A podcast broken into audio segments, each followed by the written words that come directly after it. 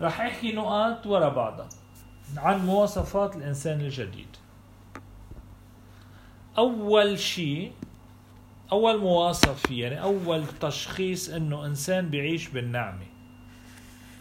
يعني لا بالشريعة ولا بالناموس. اختبر خلاص الرب عطية مجانية واختبر حب الرب يلي هو أهم من عطاياه وخلاصه.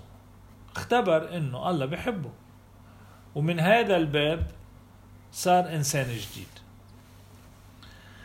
العلامة الثانية بتيجي وراها تماما هو إنه لأنه الله بحبه مثل ما هو صار يقبل نفسه ويحبها حتى لأنه حتى بقلب جحيم نفسه. لأنه هونيك اكتشف رحمة الله وخلاصه وحبه. وقبوله لإله مثل ما هو. فصار يقبل نفسه بضعفه ويحب نفسه مثل ما الله بيحبه. مش معناتها ليدل بضعفه بس لينتصر عليه بالنعمة مش بالقوة الذاتية. من هون بتبلش حياته تتغير من وراء آخر أخده من جحيمه يلي هو الرب. علامة ثالثة إنه بسبب هيدا صار عنده طول أنات وصبر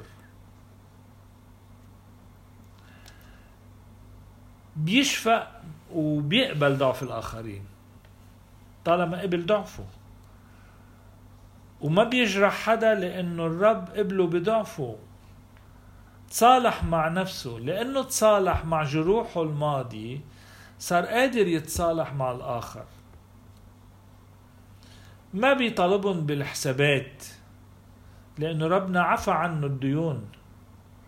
تتذكروا آه، عشا يسوع ببيت سمعان يلي تقي وفريسي وإلى ما هنالك وإجت مرة خاطية تبكي على إجري وتمسح بالدموع شعر راسها تمسح له إجري.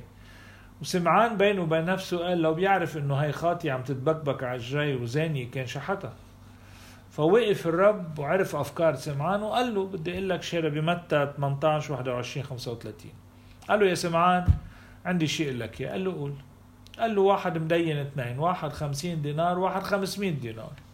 واستحقوا اثنينهم وترجوه شفق قلبهم بالأخير. شفق قلبه قد ما بكيوا قدامه. بيقوم بيعفيهم اثنينهم بالدين. قال له مين برأيك حبه أكتر? قال له بظن يلي عفى عنه الدين الأكبر. قال له مزبوط عم تحكي. وخبروا عن حاله. أنا جيت على بيتك. بالعادة إنه بيكرموا الضيف بغسيل إيده.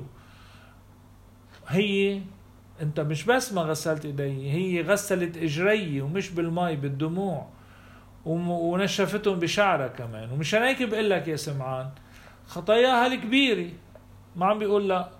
مغفورة لها لأنه حبت كتير. واللي بيحب قليل مغفور له قليل. يعني أنت بكته على فتور محبته ومدحها على حرارة حبها لأنه هالقد كانوا ديونها وانغفرت. هاي هي العلاقة. إذا ما عادش يطالب بالديون لأنه صار بسبب غفران الله مولود لرحمته وبيغفر بمقدار ما انغفر له بهالعفوية. ما بده جهد ليغفر ويسامح. كذلك الإنسان الجديد الروحي هو إنسان سلامي وفرح وبنفس الوقت متواضع للأخير غير مدعي. البرارة والبراءة والنعمة. لأنه الإفلاس علموا أنه منه صاحب فضائل ولا عن جدارة ولا استحقاق ربنا حبه. ولا أنه أفضل من غيره. نقاه ربنا. لقد اختار الله أرث الشعوب. يعني هو أردت واحد إذا بدكم. حتى ما حدا يفتخر قدام الله ونعمته. هالقد بيكتشف حاله. كذلك الإنسان الجديد بيصير إنسان غير انفعالي. بيتحمل الضغوطات بتفاعل مش بانفعال. بيعرف أمانة الرب بحياته. وبيرجع لها دايما كقراءة وتمييز. مش بينفعل وبحط حاله قدام آه، خربطة. كذلك الإنسان الجديد بحب ماضيه ما بيعود يتألم من تاريخه وماضيه. لأنه الإنسان العتيق كان يطلب أنه لو الله بينسى ماضيه أو لو بيخليني نسيني كل جروح الماضي وخطاياي لأنه ضميره تعبان كل مرة بيتذكر نقاط سوداء عاشها. لاي الإنسان الجديد بحب الماضي؟ لأنه جروحه وهفواته الماضية كانت سبب لأمانة الرب وخلاصه المجاني وحبه.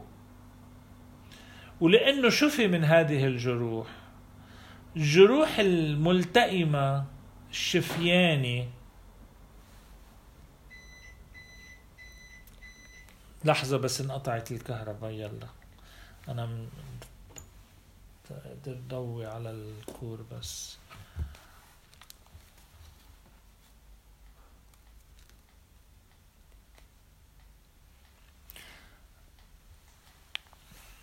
خليني ضوي على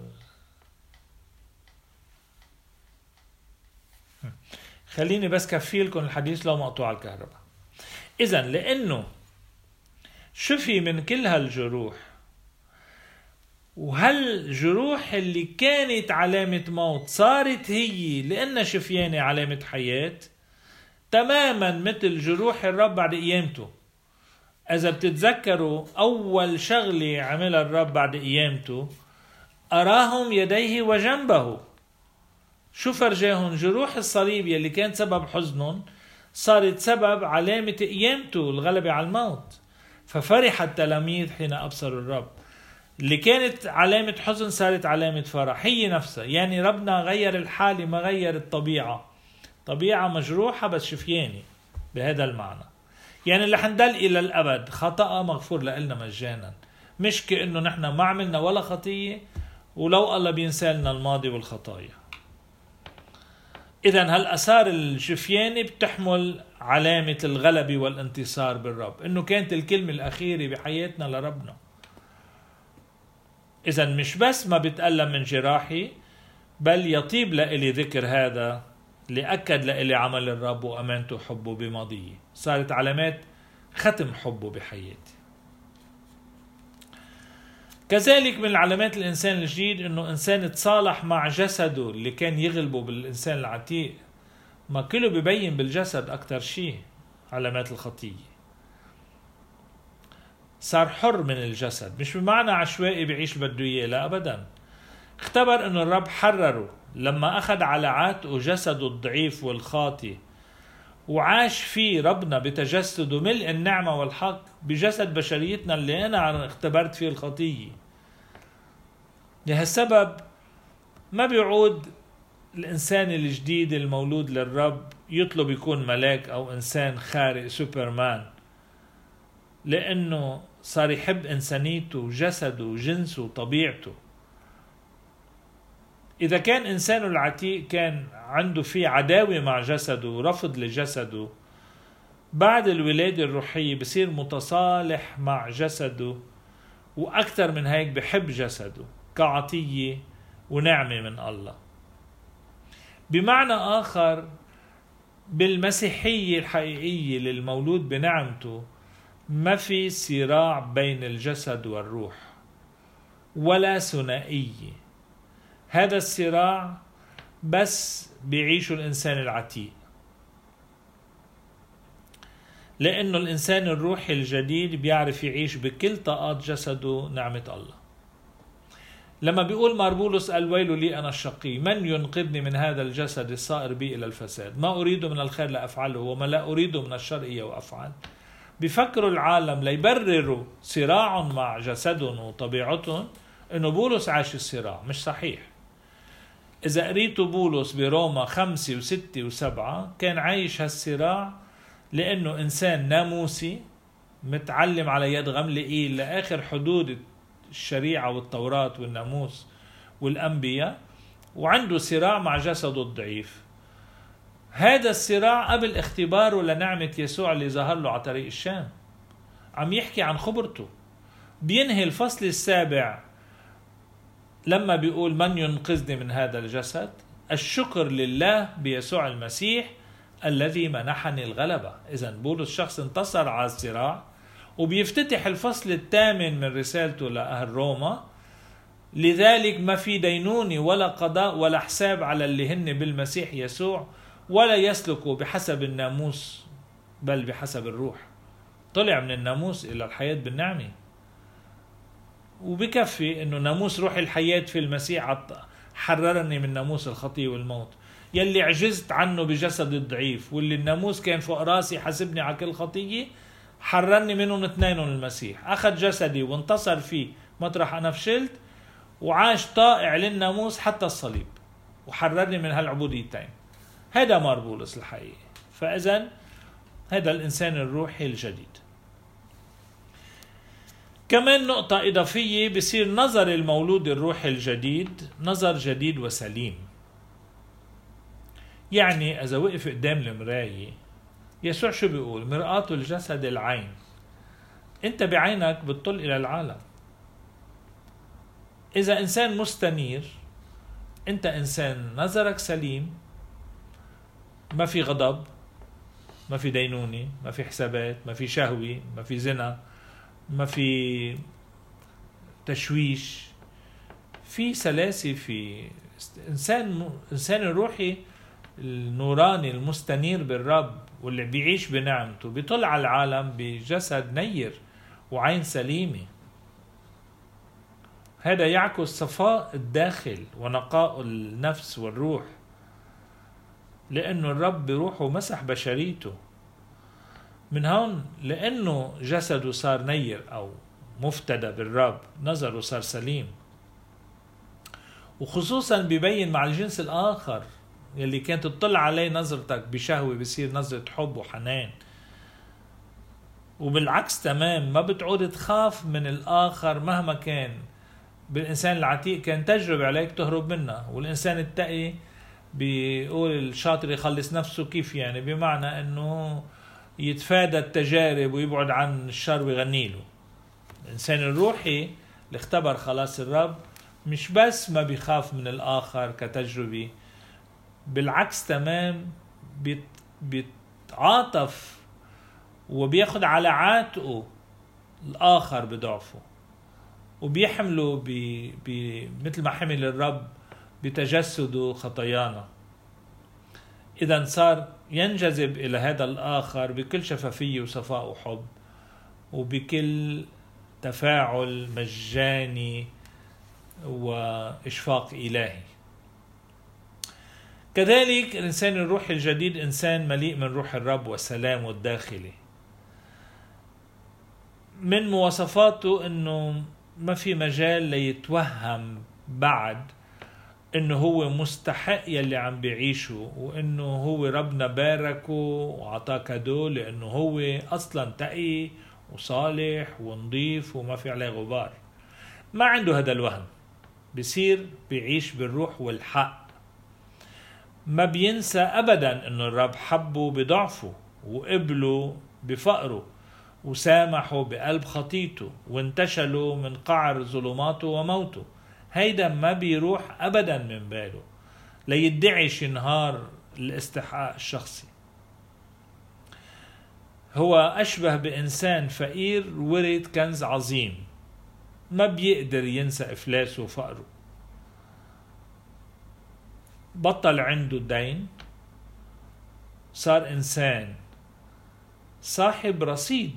مش بس بطل شال الله الدين عنه. وصار مسفر الحسابات. لا عنده رصيد. نعمة الله وكنزه السماوي صار بقلبه. وبيعرف إنه بنعمة الله وحدة بينتقل بكل لحظة من العدم للوجود ومن الموت للحياة. لأنه بين الموت والحياة مع ربنا ما في زمن وبين العدم والوجود ما في وقت. كذلك الإنسان الجديد الروحي بيعيش توبة فرحة. يعني مش إنه مثل الإنسان العتيق بيتوب لحتى الله يخلصه. هون ما عم بيتوب لشريعة ووصية ليرضي ضميره عم بيتوب لشخص حبه. فإذا توبته هي توبة إلى شخص حبه. هي تجديد اعترافه بنعمة الله وعطيته على إله بذاته بشخصه. انتقل من الحياة بالناموس والوصية إلى الحياة بالنعمة والمحبة اللي هي كمال الناموس. إذا بيتوب لأنه مغفور سلفا لإله ودائما. وهيك بيعيش بتواضع الروح واكتشاف الحب أكثر وأكثر بكل مرة بيروح من توبة إلى توبة قدام حب شخص بيرجع له إنه دايما ثابت الرب وأمين بحبه حتى بزمن خياناتنا وعدم أمانتنا. كذلك هو إنسان يعيش في ثبات روحي لأنه بيعرف إنه الصلاح هو عمل الرب فيه مش عمله هو. وهو دائما بنظره شاخص إلى الرب ما بينظر إلى ذاته ولا إلى الآخرين إلا من خلال الرب. يعني بالإنسان العتيق شفنا إنه بيبقى ناطر ردة فعل الناس ونظرهم عليه إذا مدحوه بيزيد افتخار وإذا قالوا شي ملاحظة يحبط. بالعهد الجديد بعهد النعمة لا بيحزن ولا بييأس إذا سقط بضعف ما بل بيزيد رجاء بالرب. ولا بياخدوا الغرور إذا أصابوا النجاح بل يفتخر بالرب ويزداد تسبيح وشكر وسجود للرب. فلا مدح الناس لإله بيزيدوا فضيلة ورجاء ذاتي ولا ذم لإله جرح لإله يفقدوا فرحه بالرب ورجاءه بالرب. لأنه رجاؤه مش من هيدا العالم. تعزيته بالروح. هو لذلك إنسان بيعيش بفرح الرب وحضوره دائما بدون انقطاع وفرحه حنانه بيعيش بيشع على الجميع من حوله. طبعا هيدا ما بتدوم بعد الولادة الروحية في بسميها آه، بسميها شهر عسل. بي لما واحد بي بي بيتغير حياته من حب لحب لآخر مع آخر بيعيش شهر عسل. ومع هالشهر بيدخل النمو الروحي اللي هو مراحل تانية بالحياة مع ربنا. وهالفترة بتطول أو بتقصر شهر العسل إلى آه، تفاوت الإنسان العتيق قد كان أخذ وقت بحياته. يعني إذا فترة الإنسان العتيق الناموسي كانت طويلة فترة شهر العسل تاخذ وقت لحتى يتنقى من هالإنسان العتيق. بس بالحقيقة الإنسان العتيق ما بيخلص كليا إلا بالصحراء الروحية والسبي الكامل والغربة الكاملة عن ربنا اللي هي مرحلة تيجي تطهيرية وكبيرة. بعدين بيجع وقت نحكي عنها مش هلأ نحكي عنها. فإذا آه، هيدا إذا بدكم الشهر العسل بيجي لفترة نمو روحي وبعدين بيتحول لمراهقة روحية وزوغان روحي بيرجع بيتغرب قلبه عن ربنا لأنه مفكر حاله صار بالسماوات السابعة وفوق الملائكة والقديسين بيرجع بياكلها ضربة قاضي على راسه بيسقط السقطة العجيبة ليرجع يتعلم سبل الرب وأمانته. هودي مراحل متقدمة بعدين بنحكي عنها. آخر نقطة بدي أحكي فيها إنه الإنسان الروحي الجديد تعزيته مش من هذا العالم. ممكن يتعرض لكثير من إهانات وتجريح وإشاعات لكن رجاؤه منه من هذا العالم. ما عنده انتظارات بهذا العالم. بالعكس تاخد قلبه الإشفاق والمشاعر الحنان على هذا العالم. هو منه بموقف اللي بيحكم أو بدين بل بموقف اللي بيتعهد ضعف الآخر وبياخده على عاتقه وبيرفعه بصلاته تماما مثل ما عمل الرب معه. هالحركة الروحية تكتمل في آخر مرحلة روحية إذا بدنا نحكي عنها بمراحل النمو يلي بسميها الدخول بسر تجسد ابن الله. هي الحالة الكيانية المسيحية التجسدية اللي فيها أنا بعيش بأحشائي الداخلية الروحية حمل العالم إلى خلاصه. بقلب ضعفه وجرحه لإلي. هيدا طبعا هالصورة صورة ابن الله اللي ولدت فيي مع ولادتي. سر ابن الله المسيح الحقيقي وتاخذني إلى سر المسيح نفسه بتجسده بعدين. إذا بعيش على صورة ابن الله. آه، وهيدي الصورة بتكتمل شيئا فشيئا إلى أن يبلغ فينا ملء البذل والتجرد أي ملء قامة المسيح يلي هي عمله مش عملنا. هي طريق القداسي يلي كمان مراحل. إذا بدي أرجع لها بعد ما أحكي عن الصلاة لأولاد الله وملكوت الله والحياة الأبدية كيف ترجمها بالصلاة. هيدي مراحل متقدمة جدا بالحياة الروحية. برجع لكم إذا بتعني لكم نحكي عنها نحن مستعدين. بس هلأ للمرة القادمة انطروا مني عن الحياة الأبدية. كيف بقراها؟ بصلاتي؟ وكيف بترجمها؟ بحياتي؟ إذا أنا بصلي يلي بآمن فيه وبعيش يلي بصليه كيف بقرا مسيحيتي؟ هيدا حديث للمرة القادمة. إلى اللقاء.